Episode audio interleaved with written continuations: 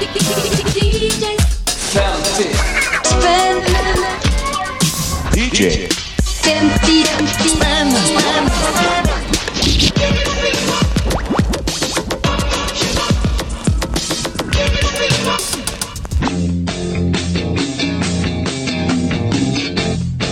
Det här är DJ 50 spänn.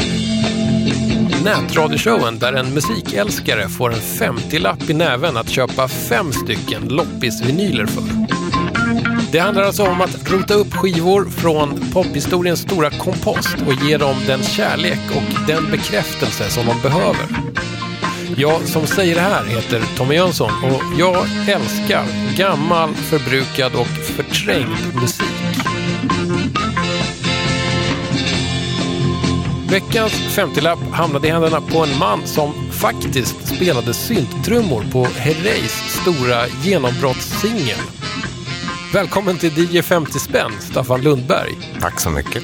Eh, det är sant va? Ja, Kan du berätta lite hur det var? Var det studiomagi? Det är en väldigt märklig historia för att det var inte meningen. Och jag tror att de här syntrummorna hade spelats in en gång tidigare, men det var ju i synttrummans eh, embryo, eller kanske knappt födda. Det var så här, jag skulle lämna tillbaka lite trummor, lite prylar som jag hade lånat av en kompis. Han satt i studion och jobbade. Eh, Jag fick skjuts dit, för jag var ju inte fyllda 18 ens på den tiden. Eh, Så eh, jag vet att jag ser det här framför mig att det är någon som får sitta och vänta i bilen, kallt. Jag går in, ska lämna lite prylar, då säger han bara du, titta vad jag har fått. Gå in i studion får du se. Och där stod de. Ett Simmons-set. Alltså det var så stort på den tiden så det var inte sant. Men alltså Si- Simons synttrummor är liksom det, det, det, det vräkigaste i synttrummorväg va? Eller? Ja, det var det då i alla fall. ja, ja. Det var de här trummorna som lät. De var ej anslagskänsliga på den tiden. Eh, det fattar inte jag. Han sa, vill du testa? Ja, jättegärna.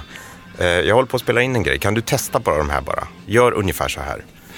Jag vet att jag drog sju trumstockar. Eh, jag slog för kung och fosterland och det var ju liksom som en V-kliv där inne i studion.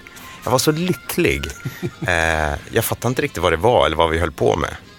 Sen åkte jag därifrån, tror att jag var borta från vett och sans och till och med landet och eh, hör på radion en låt.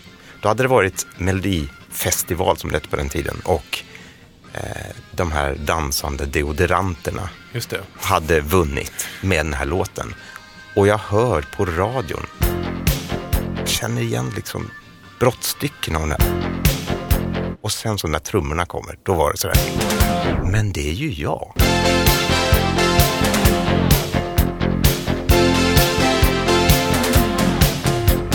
Fantastiskt. Får du liksom någon slags ersättning? Har du fått någon ersättning för det här? För den som kan sina dansbandsskivor så står det ju, på vissa står det så här, OBS innehåller inga studiomusiker. Eh, på vissa dansbandsskivor står det, eh, tack för alla medmusikanter, ingen nämnd, ingen glömd. Jag tror att det är väldigt stort mörkertal i creditlistan på alla dessa skivor. För att jag tror att eh, det kan vara Per Lindvall, det kan vara Ola Brunkert, det kan vara som spelade in första eh, tagningen. Men någonting hände. De var väl också helt i gasen då på den tiden. Just det. Så, så att då, då blev det helt enkelt att, att du, det, det som du la med syntrummorna trumfade Ola Brunkerts. Kan ha varit så. Jag har faktiskt ersatt Ola Brunkert en gång till, men det ska vi ta en annan gång. Ja, det låter ju väldigt, väldigt stort här. Eh, nu ska jag säga så här att det kan finnas de som lyssnar på det här och liksom känner igen din röst lite Pavlovskt nästan. Ja. Varför det? Om de blundar och så lyssnar på det här så kan jag säga att i tvåan just nu, Rickard Olsson och Vem vet mest? I ettan har vi en nyhetsframtid, men för en gångs skull, stäng av tvn, sätt dig i soffan, för nu är det DJ 50 spänn. Det där lät underbart. Jag är hallåman på Sveriges Television, ettan. Mm. Men ni är ju bara hallårösten nu för tiden, eller hur? Ja, Man får ju aldrig se er. Det är väl tur det. Och, och är det inte så, om jag har förstått det rätt, att, att för det mesta så lägger ni hallå-pratet över eftertexterna? För man vill minimera pauserna mellan programmen så mycket som det bara går. Man vill ha ett flöde i skarvarna, som det heter.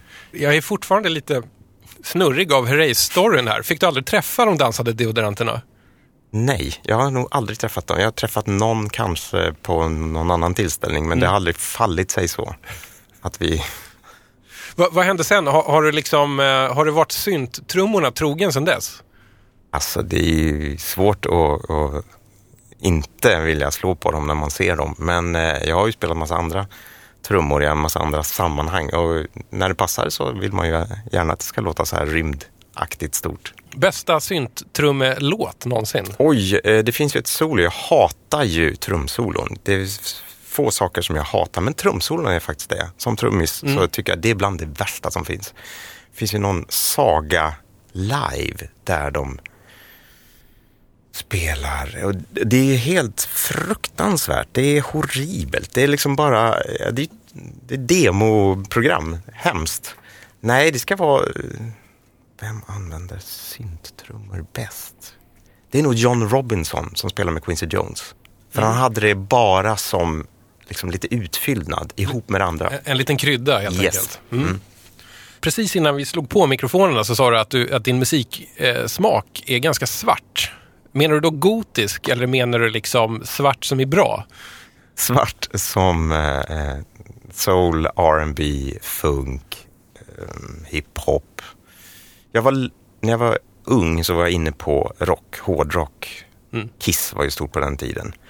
Men så fanns det en kille från Vallentuna som vi umgicks med på somrarna. Eller jag umgicks med en, hans bror, men denna Anders Mossling. Han skickade blandband till mig. Och talade om för mig att det fanns en kille som hette Mats Nileskär som hade Soul Corner. Och då var jag väl i tioårsåldern och sen dess, där växlade jag väg och sen så har jag varit den svarta musiken trogen. Mm. Sen har jag plockat in andra saker också. Men eh, om du undrar vad mitt hjärta är så är det där. Vad har du för skivor ungefär i, i vinylbacken hemma? Eller har du fortfarande, har du kvar liksom vinylskivorna? Nej. Det här har jag pratat om Oj. med mina eh, kompisar, det är 10-15 år sedan, då kände jag att nej.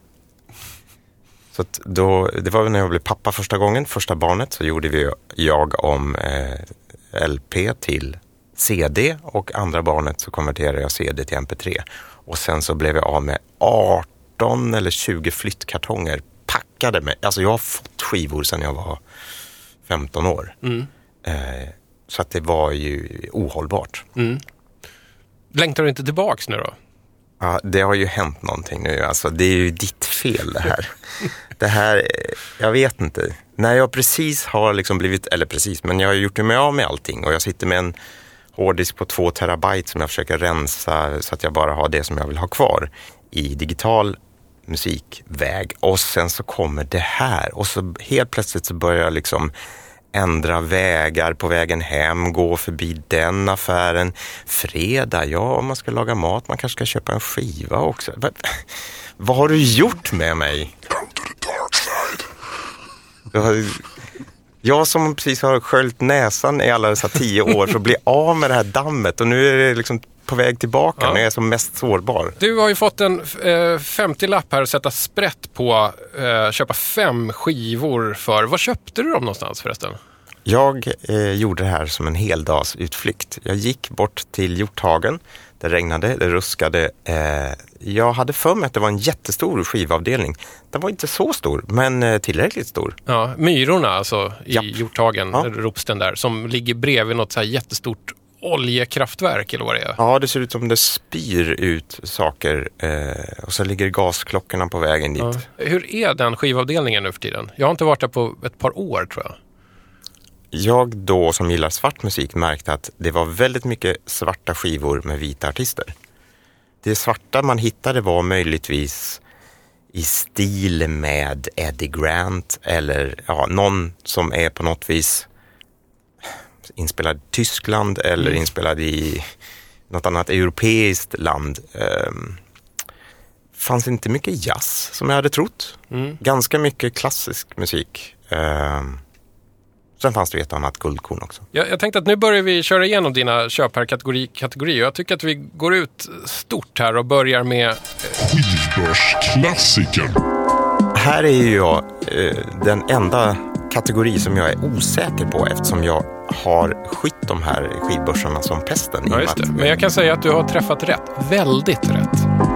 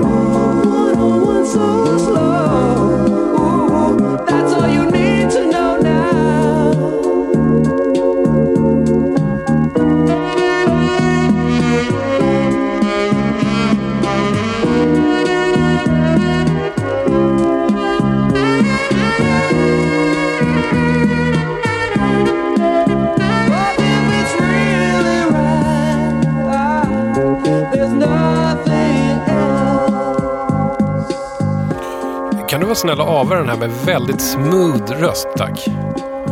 Daryl Hall och John Oates från plattan H2O One on One. Jag tycker Det är alldeles underbart. Eh, Jag har jobbat med nattradion. Ja, ja, det där var väldigt mycket nattradioröst. Eh, Hall Oates är väl artister som skulle kunna funka rätt bra i nattradio också. Om det är den här typen av låtar i alla fall. Har nog spelats väldigt många udda albumspår under nätter som gått. Ja. Det här är skivbörsklassikern. Är det det? För det här är ju Ja. på, ute på hal is. Ja, nej, du träffade väldigt rätt. Alltså det, det, det här är ju någonting som jag ofta tar upp till diskussion med, eh, med vänner som har samma intressen som jag. Och det är ju liksom att vi skrattar nästan åt att om, man, om det inte är så att man hittar Hall Notes-plattor så hittar man ofta plattor som där, där man, när man kollar på bandfotot så ser medlemmarna ut som Hall Notes. Så det är liksom att det är som en rehabacks eh, förbannelse över det på något sätt nästan. Men de är vanliga. I alla fall de här deras här, stora eh, albumsläpp som var liksom så här världssuccéer. Ja, här innehåller ju plattan Man Eater som slog stort. Just det. Den här tror jag har kommit lite senare, poppat upp som, som lite sån här, faktiskt en bra låt. Lyssna på den här skivan, en del är ju anskrämligt. Eh, när det börjar bli bredbent, när det inte blir Hall Notes, utan de, När de ska rocka loss lite. när de ska vara rockiga och framför allt när det inte är Daryl Hall som sjunger, utan det är John Oates. Bra, bra att du tog upp det där. Alltså, jag har en lite sådär ändå ytlig kunskap om, om Hall Notes. Vem är vem? Här har vi John Oates, Okej, det är alltså mörk en mustasch. mustasch, och eh, där har vi Daryl Hall. Blond kille utan Japp, mustasch. Japp. Eh, det kan man få vidimerat om man följer deras solokarriärer. Det vill säga att de gjorde ju solokarriärer också och John Oates gick inte alls något bra för. Är det för att han inte är lika duktig på att sjunga eller? Jag tror det. Och de låtar som han sjunger på är liksom bara mm, ja, rent förfärliga. Det finns liksom ingen, vare sig melodi, struktur eller den här Blue-Eyed Soul-känslan som, som eh, Daryl Hall lyckas få med i stort sett vad han än gör. Alltså det finns verkligen siljoner Hall Notes-plattor på skivbörsar och loppisar. Jag, jag har försökt utforma någon slags teori om vilka det var som köpte de här skivorna i, i liksom första hand när de kom ut. Eh, Var du en av dem? Nej, det var inte. För, för det, är så här, det är ett litet mysterium att, för att de flesta jag känner som, som har någon, någon form av egentligt förhållande till Hall Notes, de köpte ju på sig skivor runt 2005-2006 när, när liksom begreppet yacht dök upp. Och det är ju en, en, en sån här konstig liksom om, eh, jag vet inte vad jag ska kalla det, omkontextualisering av den här musiken. Man hittar på ett, ett nytt sammanhang som man för in den på och helt plötsligt så är det coolt. Ja, och nästan som jag upplevde en ironisk eh, lyssning. För att jag menar, det vi kallar för västkustrock, som det här får väl nästan kategoriseras ihop med. Eh, det var ju så utskällt på den tiden så att det fick man ju knappt ens viska om att man faktiskt gillade eller om allra värre, ha i sin skivsamling. Inte hade du Toto längst fram i skivbacken. Men Hall Notes känns som ett icke-band på något vis. Eller rättare Eller hur menar du då? att man köpte det som man inte riktigt visste. Utan det var lite säkert men ändå inte. De var inte utstickande på något sätt. Jag har faktiskt lyckats få en, en teori som jag faktiskt tror, kan, eh, åtminstone det är rimlig, kan stämma. Vänta, jag ska bara öppna min dator här för att kolla en anteckning.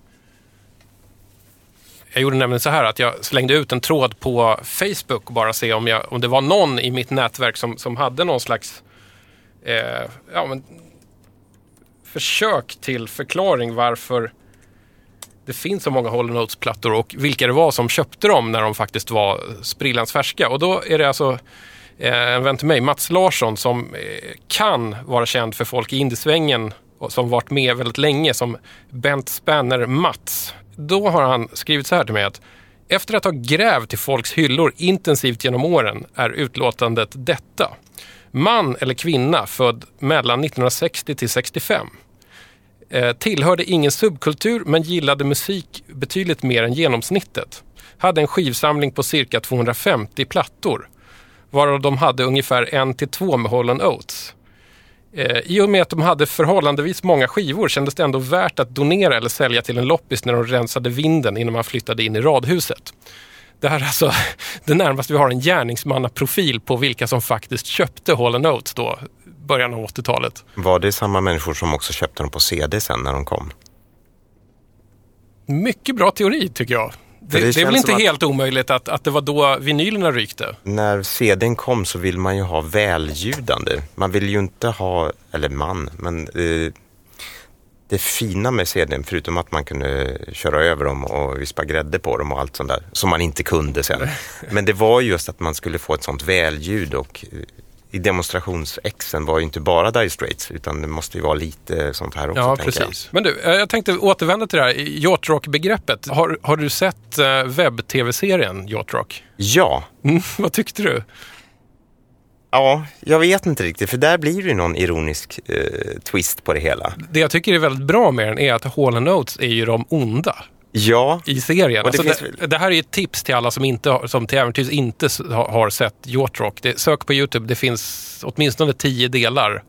Eh, fiktiv humor om eh, hur västkust, eh, ja, om västkustrockens glansdagar helt enkelt. Michael McDonald är lite förvirrad mes. Peter Cetera är liksom ba- bara ett, ett, ett miffo. Och Hall Notes är onda. hur det nu kan ha funnits någon i den här musikgenren som var ond, för allting var ju väldigt snällt, välproducerat och tillrättalagt. Jag, jag tror att det kan finnas lite dolt klassförakt där eftersom Hall Notes är från Philadelphia som är en sån här riktigt, eh, eh, ja, en, en, en stad med mycket sociala problem och våld. Att de tog med sig då det, i alla fall in i den fiktiva serien Yacht Rock. Jag har läst någonstans om att de träffades när de var tvungna att söka skydd på någon här skoldans eller någonting för att det var liksom skottlossning utanför. Och jag har hört att de träffades i Kenneth Gamble och Leon Huffs studio, men jag vet inte, Ja. kanske var någonstans emellan där. Det är fortfarande samma stad. Absolut. Philly. Philly, Ja. oh ja. eh, Daryl Hall har ju förresten gjort på en solplatta, I'm in a Philly mood. Och jag Mm. undrar fortfarande vad det betyder. Det, ja, antingen betyder det att, att du duckar så att inte liksom rikoschetterna ska liksom träffa dig. Eller så är det där att du sitter och myser lite i Gamble and Huffs. Ja, jag tror mer, Studio. mer åt en. Så har jag tolkat det i alla år, men jag kanske får omdefiniera det. Vet du vad som slår mig nu helt plötsligt? Det här upplägget, Daryl Hall och John Oates. En blond, en mörk. Jag, jag, helt plötsligt poppar upp andra bilder i huvudet. Till exempel Baccara. Det är ju Baccara. Men det är också uh, Modern Talking. Ganska lika egentligen, förutom mustaschen. Det ska vara Dieter Bohlen. Yes, Och det där skulle vara... vad den andra nu hette. Detta om Hall Oates. Eh, jag har en känsla av att Hall Oates kommer att dyka upp fler gånger under eh, DJ 50 spänn så att det kommer avhandlas vidare. Ja, det hoppas jag. Då så Staffan, det är dags för Chansningen. Vi ser en man, han är ganska bister. Bister uppsyn. Ja, Pekfingret under läppen. Underläppen, ska sägas. är inte det där en, pås som man intar väldigt ofta om man är konstkritiker? Jag tänker mig ett ljud på det här och det är... Det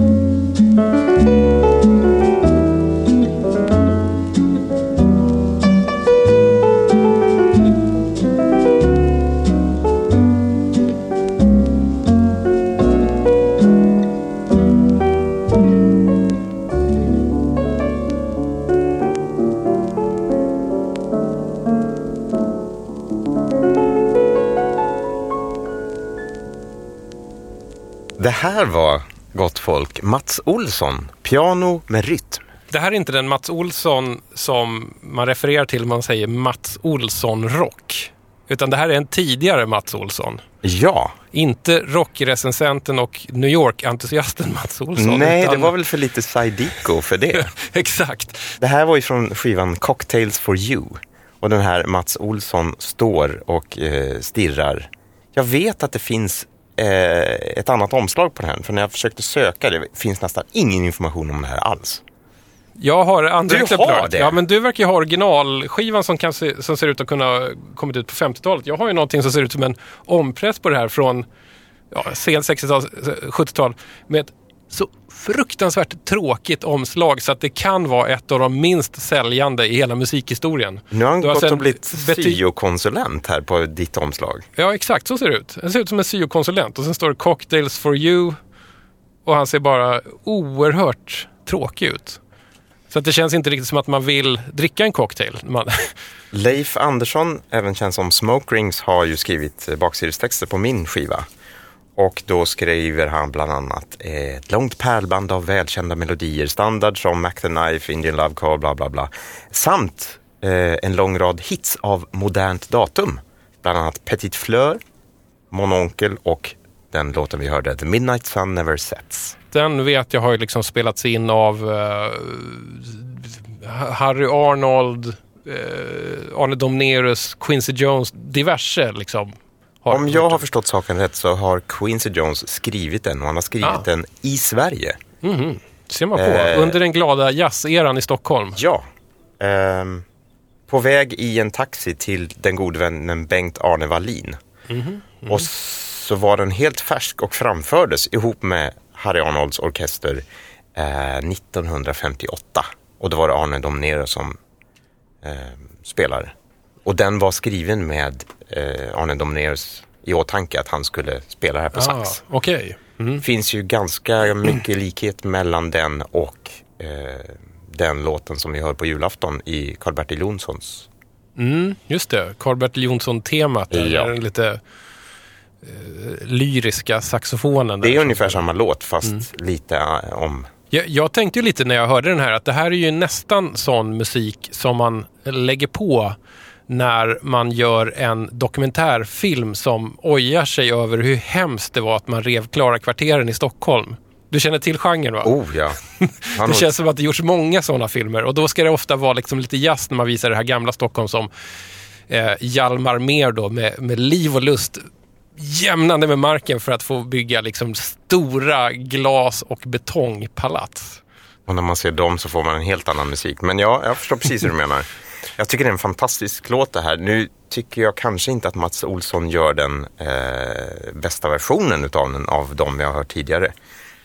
Men Mats Olsson är ju faktiskt en tidigare kollega till mig. Han jobbade på Sveriges Radio och sen så gick han vidare till skivbolag. Han signade bland annat Magnus Uggla och Micke Rickfors.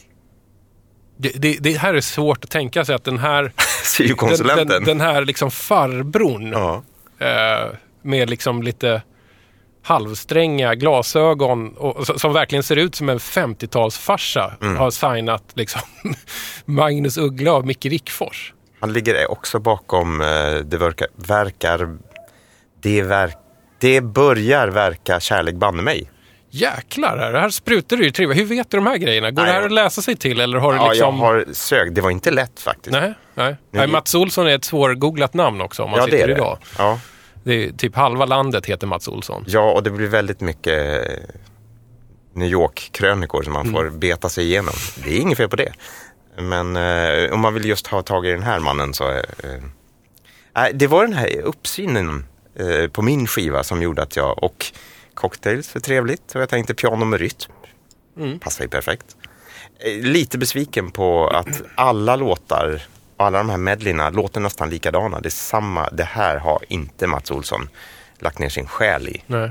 Men tror du inte att beställningen kanske var liksom, vi vill ha en trevlig skiva som kan gå i bakgrunden medan man faktiskt dricker cocktails och konverserar lite? Ja, den tillhör ju en serie, Camden-serien, där Lasse Lönndahl, Arne Domneros, Får jag lov med lite blandade dansmelodier och Bengt-Arne Wallin finns med där också. Mm. Ja. Alltså för sin genre, det här är, det här är också en så, så här, typisk grej, alltså skivbörseloppisar. Man hittar de här skivorna som har ett syfte, alltså cocktails och, eller partyskivorna som man ska ha, ha på en fest eller liksom Hammond-hits för så här. Den har ett omslag som är ändå lite annorlunda från den stora genren. Det är inte liksom en snygg tjej som ska sälja det här. I solnedgång med lite vågade... Nej, precis. Och, det, och det är heller inte den här liksom partyextasen som man kan hitta på andra sätt. Det är, alltså, det är Frank Waldor i en rolig hatt som liksom gör något crazy på vattenskidor. Det ser det inte ut att att Mats Olsson har det så kul överhuvudtaget på det här omslaget. Men det kanske han hade. Det, han kanske var bara en, Mm. hade en dålig dag. kommer du cocktailtesta din chansning tror du? Ja, det har jag redan gjort. Jaså? Det funkar jättebra. Nu ska vi över till Nostalgiköpet. Nu byter vi lite årtionde och eh, stuk kan man väl ändå säga. Ja. Utan att överdriva för mycket. Och att den här skivan fanns bland de övriga. Jag klagade förut på att det var så mycket vita artister och så mycket vit musik. Eh, när jag såg den här blev jag ju lycklig. Det här, var, det här blev jag ju glad på riktigt. Mm. Cloudy was the day when sunshine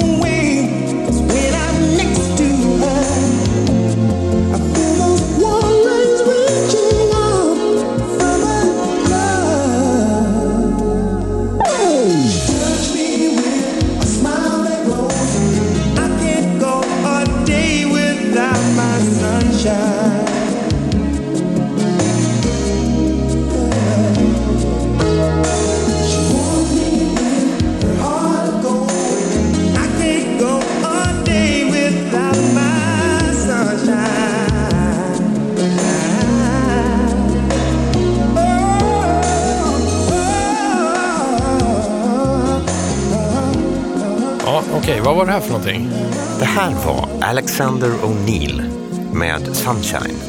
Och, och nu är vi inne i, i det jag kanske brukar referera till, liksom slipprig 80-tals R&B. Det, det är någonting lite tvåligt över det här om du förstår vad jag menar. Oh ja. Den är inte alltid så snabb och lite svår att få grepp om. Och det är, och alltså, fullständigt underbar. varför älskar du det här? Alltså det hade kunnat vara en tjej, det hade kunnat vara eh, vem som helst annat än Alexander O'Neill. Han gör ett habilt eh, inslag i det hela, men det är inte han som är grejen. Utan det är producentparet bakom det här. Jimmy Jam och Terry Lewis. Som var gigantiska. Alltså sent 80-tal, tidigt 90-tal. Japp. Finns de kvar fortfarande? Jajamän. Ja, ja, ja. Gör de samma grej? Nej. Ja, i stort sett. De, de har inte hoppat på så här att de vill låta som Skrillex helt plötsligt. Nej, det kan komma vissa eh, J-pop-influenser och de har jobbat lite med japanska artister har jag sett. Men alltså, jag har en hel kategori i, i mitt iTunes som bara är J och L. Mm. De kategoriseras. Alltså det spelar ingen roll om det är Jan Jackson eller om det är Alexander O'Neill, SOS Band eller om det är Climax tidiga eller vad det nu är. När det är Jamal Lewis, då Mm. vill man ha det och man vet, det finns en jag har två listor, en eh, high och en low och den här då går till eh, low tempo facket. Ja, just det. Alltså, det har ju dykt upp eh, eh, Jamal Lewis-produktioner tidigare i, i DJ 50 spänn. I alla fall en, kanske två gånger, vet jag. Eh, och jag brukar ofta ha ett liksom... Jag har börjat köpa på mig sånt som deras namn står på. Man kan köpa vad som helst. Man kan till och med köpa Pia Sadora som var en halvtaskig, för att inte säga heltaskig skådespelare som hade en väldigt rik man. Och den väldigt rike man gick och eh, köpte en Billboard-tidning och sa vem ligger högst upp på listan? Jo, det gjorde Jan Jackson på den tiden. De ska jag ha. Och så köpte han eh, Jimmy Jam och Terry Lewis till sin fru. Och hon har gjort en helt vedvärdig skiva egentligen. Om man bortser från henne eh, så är den fantastisk. För det är ju Jam och Lewis-låtar. Och så är det mest körsångerskan Lisa Keith som, som gör allt. V- vad är det du gillar så mycket med De Lewis-produktionerna? har en egen eh, klangvärld, de har väldigt eh, tidstypiska ljud och jag börjar fundera på, eh, känns det här daterat? För mig känns det ju alltid lika bra. Det här spelar rätt in i hjärtat på mig. Eh, de har ju även eh, dansantare saker. Det finns en låt som heter Fake som han har gjort bland annat. Som är väldigt så här stompig, funkig. Men, mm. Sen är det det här maskinella svänget som jag gillar. Som de lyckas med, för det är ganska få som lyckas med det. Det här stela men ändå att det svänger. Just det. V- vem är Alexander O'Neill också? Det var liksom så att du nästan skämdes lite för att det var just han på skivan Ja, där. nej, det spelar inte så stor roll egentligen, men jag känner mer för stackars Alex. För att han blev, han var med i Flight Time innan de blev Time. Prince sparkade Alex, han, de kanske bråkade om samma brud eller vad det nu var. Eh, det har jag ingen aning om. Men han fick inte vara med i Time i alla fall. Eh, och eh, sen så lyfte Jam Lewis upp honom när de blev sparkade i sin tur av Prince och eh, sen var han ju i Sverige 1991 på Konserthuset. Eh, han hade väl antingen druckit väldigt mycket eller var väl lite trött eller hade förlustat sig med någonting annat. För han somnade ju tre låtar in i. På en, det kom in en bänk och han sätter sig och sluddrar och sen så somnar han på scenen. Jag var där och såg det, det var hemskt. Ja, det förstår jag. Ja. Om- Hur, hur var reaktionerna från publiken då? Nej, man fattar inte riktigt då. Det var inte lika... Vad är det som händer? Det fanns ju inte så mycket sociala medier så att det, man kunde ventilera utan man stod ju mest utanför och undrade så här, jaha, vad blev det nu då? Avbröts konserten då? Japp. Det gick inte att väcka honom? Nej, han bars ut på den här bänken. Och sen har, det finns en serie som man kan hitta på nätet som heter Unsung. Där man går igenom väldigt mycket eh, tragiska levnadsöden inom musiken. Värd att kolla upp. Alexander O'Neill till exempel är en av dem. Eh, där han har eh, åkt in och ut på rehab och eh, Jam Lewis har bekostat mycket av det här. För de trodde på honom och de tyckte att han var ja, någonting att satsa på, men även som, som god vän. Men ja, idag är han bara bitter och tycker det är hemskt och åker runt på sådana här konstiga tribute-grejer och kan inte sjunga rent och kan inte prata rent. Och, ja. Det är ju väldigt sorgligt. Det är, det då och då dyker det upp också sådana skivor när, när man då letar bland liksom 10 kronors kategorin av skivor. Eh, den typen av alltså artister som, som man trodde skulle kanske ha en väldigt lång livslängd men sen gjorde bort sig eller gick åt skogen med någonting och sen kom de aldrig tillbaks riktigt. När man hade ju allting mm, förutbestämt på något vis. Om man bara hade åkt med. Nu var det inte så lätt att göra det tydligen. Så att då, ja, nej, det är lite synd mitt i alltihopa. Bra röst. Ja, verkligen. Om jag skulle själv råka bläddra förbi den här i en skivback, är det här liksom ett, eh, en bra ingång på Alexander O'Neill? Ja, och framförallt på Jam Lewis. Eller rättare sagt, står det Jam Lewis, om du så bara på en låt, köp. Nu är det dags för den eh, slumpmässiga kategorin. Jajamän. Random Access Vinyl.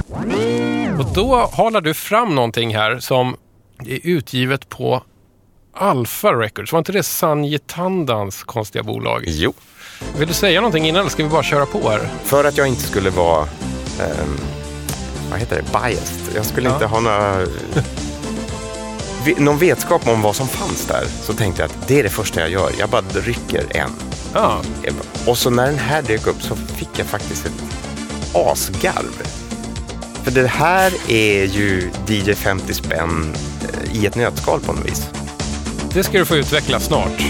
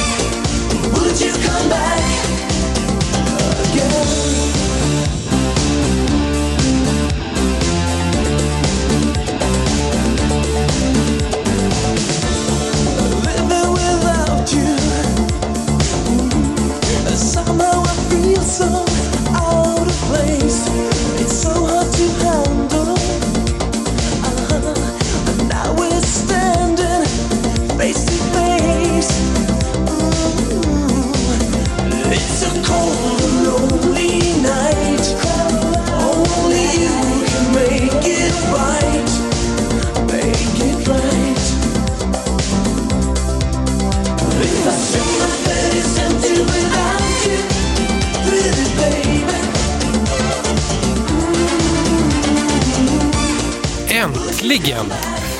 Men fatta när jag lyfter det första jag rycker i. Och då hade jag hört avsnittet DJ 50 spänn med Elin, Elin Franzén. ja, som hade passat på en styleskiva. Ja, alltså vilket övertramp egentligen mot formatet. Att hon liksom har slumpmässigt dragit upp en startplatta och sen känner att hon kan inte säga någonting eller du vet, inte ens lyssna på den gissar jag på och ställa tillbaks den. Men nu, Och då kände jag att det var ju min skyldighet och samtidigt den här skivbörsguden som ni har pratat om Ja. som jag inte har fattat någonting. det är osynlig i handen. Helt plötsligt så fick jag nästan smärre religiös upplevelse av denna. Just det. Den här låten heter alltså Empty Bed och det är Style och det är från 87 typ, eller 88. Ja, någonstans där. Sen Style helt enkelt. De har ju lyssnat löjligt mycket på Stock Aitken Waterman innan de går in i studion och sätter den här. Men hela liksom rytmspåret är ju liksom så här, det är, det är som att det är lyft från en Kylie Minogue-platta samtidigt. Sen har de ju kanske tuffat till den med lite ylande gitarrer också. Sånt där. Men De har till och med gjort mer än så. Vad jag förstår så är eh, de har köpt sig eh, Pet Shop Boys gamla tekniker.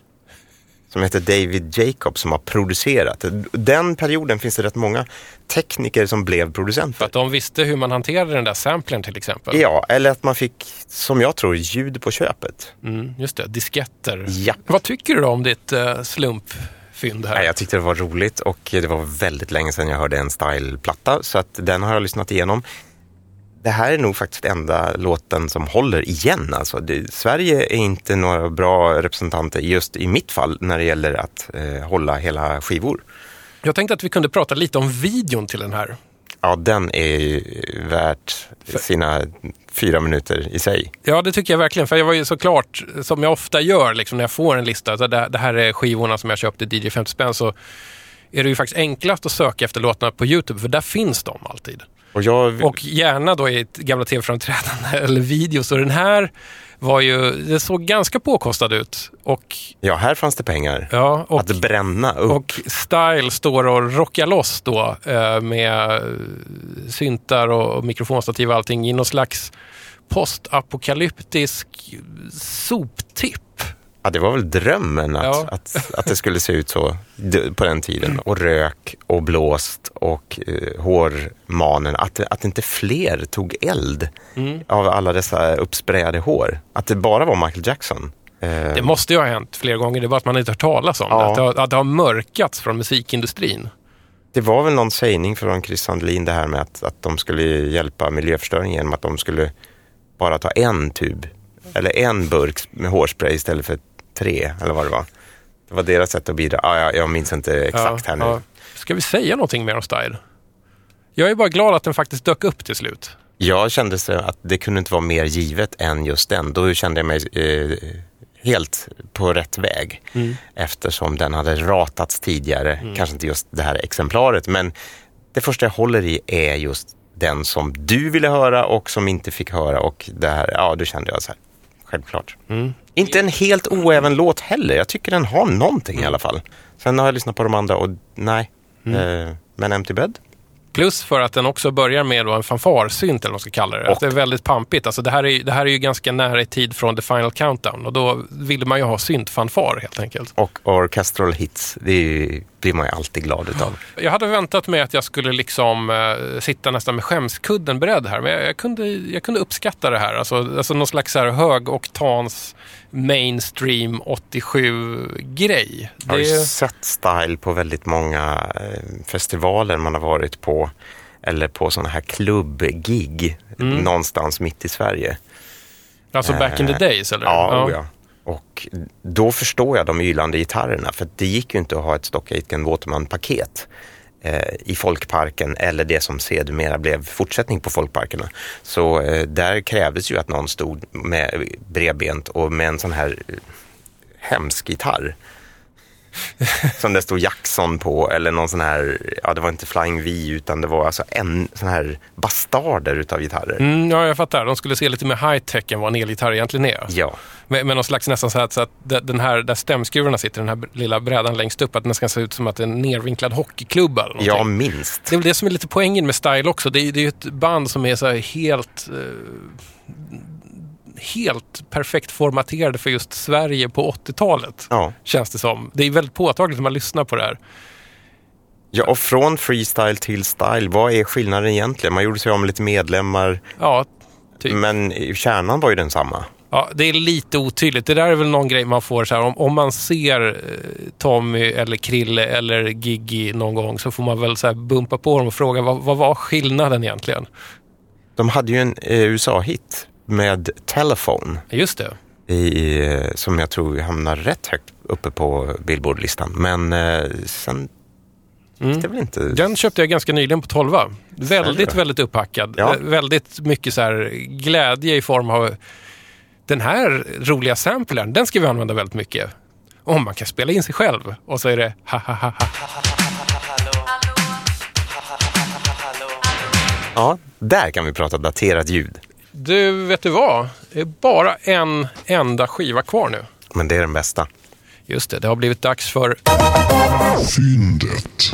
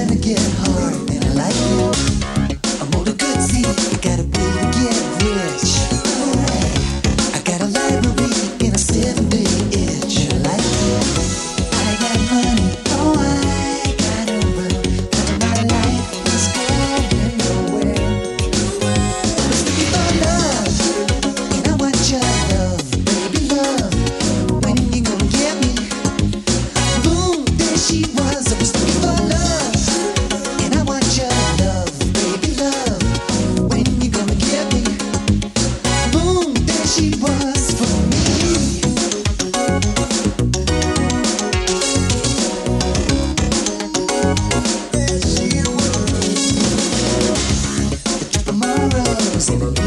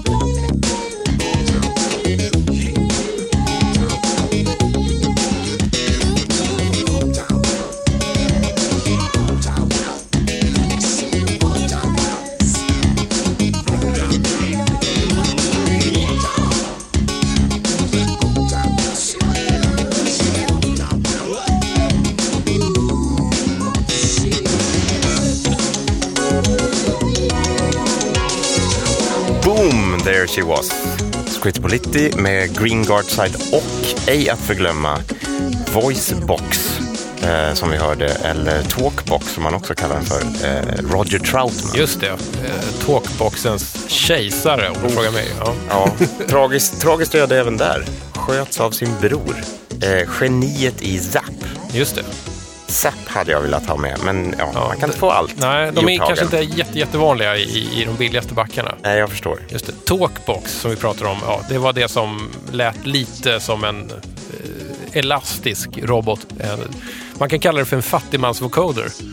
Eller det som eh, de flesta har hört på Living on a prayer. Det, är alltså, det roliga med Talkbox är, om jag bara får göra den här parentesen, är ju att det är e- Egentligen så gör det samma sak som en vocoder, men det är liksom på ett jävligt oteknologiskt vis. Alltså det är liksom en, en liten högtalare som man har satt en slang på. Så slangen åker in i käften och sen så gör det liksom olika... Du artikulerar med munnen så låter det som att instrumentet pratar. Och vem kom på det här och framförallt hur kom han på det? Eller Ja, hon? ja, det är en mycket underlig fråga. Men det är en märklig liten subgenre. Alltså om man vill så här, åka in i, i talkbox-världen så det, visar det sig att det här har liksom skett inom många olika genrer. Då. Alltså, Roger Troutman är ju liksom funk-talkboxen. Men Ja. det finns ju även liksom en, det finns märkliga countryplattor med pratande pedal steel gitarr till exempel. Ja. Men hur som helst, det här är ditt fynd. Varför är det här ditt fynd? Ja, men alltså eh, det här har så mycket nostalgipoäng för mig och så mycket, eh, jag vet inte hur många tusentals gånger jag har hört den här. Så att det är ett fynd för mig, för den kostar bevisligen en krona. Oj, det var Men billigt. är köpt på du ser var. Ja, det, det, det sitter en gammal dekal på här från skivfönstret, en gammal fin skivaffär. 75 spänn står det då. Så att uppenbarligen, helt utan känslor, kliniskt så är det ett fynd. Ja, Om jag köper den för en krona idag. Mm. Jag tycker den har åldrats med värdighet. Jag säger Mm. det fortfarande. Det kanske är daterad, eh, daterade ljud eller någonting sånt. Men Scritti Politti som bytte syntljud varannan sekund. Eh, det är Marcus Miller som spelar bas. Och det är folket bakom Chic som eh, körar. Roger Troutman får man. Och så får man Green Guardside och hans texter. Jag har ingen aning om vad han sjunger, men det är väldigt vackra ord. Det här är ju Skritti Politis, liksom deras pop-era, eller vad man ska säga. Pop, soul, R&B, high-tech. Den polerade Ja, det- eran. ja, bara några år innan det här så, så såg de ut och lät som husockupanter. Och det var liksom så här ett postpunkband med jätteintellektuella marxistiska texter. Jag har liksom aldrig riktigt fått ihop det där. Hur, hur, liksom, hur gick den här vändningen till? Green Guard Side fick eh, scenskräck Och de slutade att spela. Han åkte till New York, började lyssna på radio. Bra sak, lyssna på radio. Där får man... Han hörde hiphop, han hörde alltså tidig hiphop och började samarbeta med hjärnan i den här musikaliska delen utav Scritti Politti 2.0. eh, David Gamson, om jag har förstått saken rätt. Och sen så är det ju massvis av eh, namnkunnigt folk inblandade. Ja, det är, alltså det är väldigt... Det här är som en, om man kollar på det här baksidan av omslaget så är det lite som att kolla på eftertexterna till en film. Det är väldigt många namn. Till en väldigt- amerikansk film med väldigt mycket effekter på. Ja, ja, så kan man säga. Precis. Det är väldigt detaljerat vilka som gör vad. Det är till och med listat vem det är som har spelat in trumsamplingarna. Men sånt är viktigt, sånt vill man veta. Det är ju väldigt roligt nu att att verkligen kunna få liksom, se hur många som var inblandade för att få det att låta på det här sättet. Och tydligen så var ju de lite pionjärer för att de höll på med sån här midi-styrning så att, att man hade en synkton, den här Mm. som lät som ett modem ungefär. Som styrde alla maskiner och det har jag jobbat med själv och det är jättejobbigt för den svajade ibland och då la alla maskiner av. Mm, då, just, Så då, då fick- tappar de takten helt Ja, enkelt. då fick man börja om från början. Och de här hade ju väldigt mycket maskiner, av om jag har förstått saken rätt. Jag vet ju att Scritti Politti lite grann finns fortfarande fast i, i ännu en annan form, eller hur? Har du, har du hängt med i, liksom, i, i alla fall Green Gartsides äventyr? Jag har försökt Ja. eh, och han hade ju, har ju haft lite hiphop eh, samarbeten eh, och nu är det väl något slags nu spelar han på diverse pubbar om jag har förstått saken rätt. Ja, jag, jag har faktiskt inte riktigt exakt hört, eh, hängt med, men jag läser lite som att han är lite, lite tillbaks till början av det hela. Ja. Eh, för att jag tror nämligen att hur polerat det här, här, än låter, så är jag faktiskt ganska säker på att, att eh, Green Gardside har aldrig liksom släppt sin marxistiska övertygelse. Och om man liksom så här verkligen lyssnar och läser texter som är skrivna på lite låtar så är det, alltså det är ju, det är ju på, på en hög akademisk nivå och rätt politiskt sådär. Själva namnet kommer ju från Antonio Gramsci, eller Gramsci, jag vet inte hur det uttalas, som är en sån här politisk tänkare på den marxistiska eh, sidan. Alltså som Slavoj Zizek fast inte kul.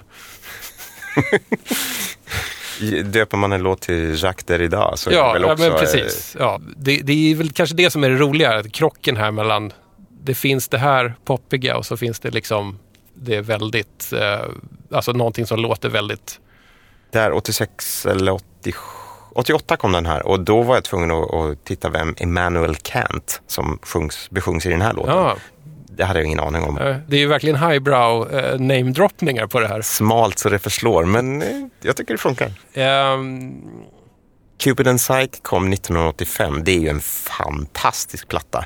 Sen kom den här och först så tyckte jag att den var, jo, den var inte som Cupid and Psyche, men den var bra. Eh, Men sen har den växt på mig och nästan gått om Cupid and Psyche. Bara en sån sak som att Miles Davis är med på den här skivan. nu börjar det här faktiskt bli att det nästan spräcker liksom timmesgränserna. Jag brukar vara liksom alltid lite motvillig till det. Så att hur kul det här än är och liksom hur mycket man än kan sitta och prata om de här skivorna så tänker jag att, att vi får nästan sätta punkt här. Så då får inte jag ge dig min present. Eh, det beror lite på vad det är. Staffan Eh. tar upp en grej här ur en påse. Det här är från Zwei Euro-lådan i Wien. Som jag, var. Ah, jag har ju till och med börjat liksom bör- plocka bland skivor när jag är utomlands. Och den här fångade mitt intresse. För det här finns en text där det står Skivan heter nämligen Hits Supreme Style och så är det en tjej i bikini och sen så står det Can you hear the difference between these and the original sounds? Vi lyssnar helt enkelt och ser om vi kan höra skillnaden mellan original och inte. Säg till om du hör en skillnad då.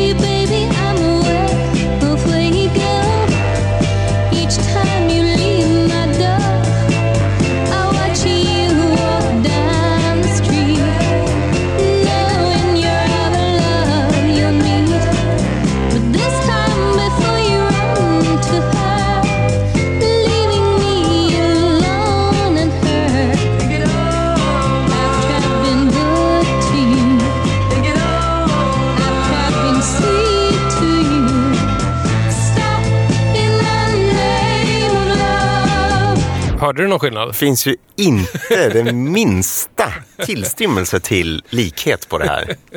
Det är Men, men det är ändå ballsy att de skriver det på omslaget här. Can you hear the difference between these and the original sounds? Och så bara, ja. på den tiden gavs det ut ganska mycket som skulle vara som. Och Ja. det var ingen skillnad. Nej, det var inte precis. sådär att oh, det här är inte original. Utan det var ju, det kom man ju hem med grisen i säcken ibland och så här. Aha, det var inte den. Det var inte den riktiga. Fast Nej. man visste ju inte. Nej, precis. Men det här är ju en vit tjej som sjunger alla stämmorna och med ett ganska eh, fattigt komp och nej, det finns ju ingenting som Nej, påminner. det, det, var, det var inte riktigt så. Men tack i alla fall. Det var en väldigt rolig present. Jag blir, jag blir jätte, jätteglad för den. Och eh, tack så mycket för, för de andra skivorna. Jag tycker att det fanns någon slags röd tråd ändå. Ja, jag är glad att jag hittade de jag gjorde för att det var inga sådär, ja det här måste jag ta för att kunna kvala in. Utan det, var, det var ganska givet när de väl stod där. Nu har vi bara en sak till här och jag tror att jag har plockat en James Last-cover som du kanske kan uppskatta. Oh. Eh, du kanske kommer höra skillnad mellan originalet och låten. Fast å andra sidan har inte James Last utgett sig för att vara så originaltrogen. Eller? Nej, det har han nog inte riktigt gjort. Han har nog alltid satt sin egen lilla touch på eh, allt här. Och det är därför man gillar James Last. Precis. Nu, nu måste vi se här om jag... Det här kommer bli ett svårt spår att pricka. Vi får se här. Eh, Staffan Lundberg, det var underbart att du kom förbi här med dina skivor. Tack snälla för att du har förändrat min eh, värld och min eh, framtida. Oj, oj. Det, är så, det är så stort när du säger så här. Jag vet, jag, vet, jag vet faktiskt inte om jag vill ha det på mitt karmakonto, att jag har liksom eh, skickat in dig i vinyldjungeln igen. Men du har ju det. Innan det här så höll jag mig borta. Nu gör jag mig allt för att hitta nya vägar för att komma till just den där lilla affären. Ja, det är underbart att höra.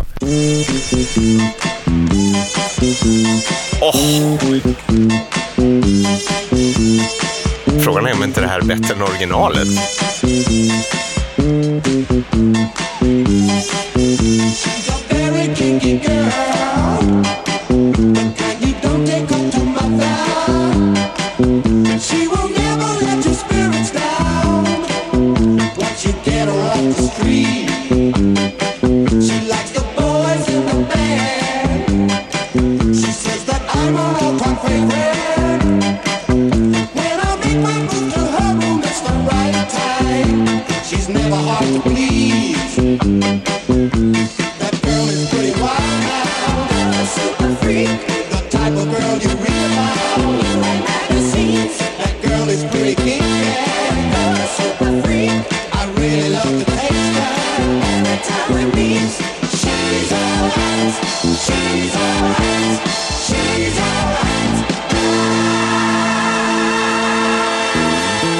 Jag får lite feeling att det här är någon slags sån här eh, skolorkesterversion utav Nu ska vi slänga på här ordentligt. Ja.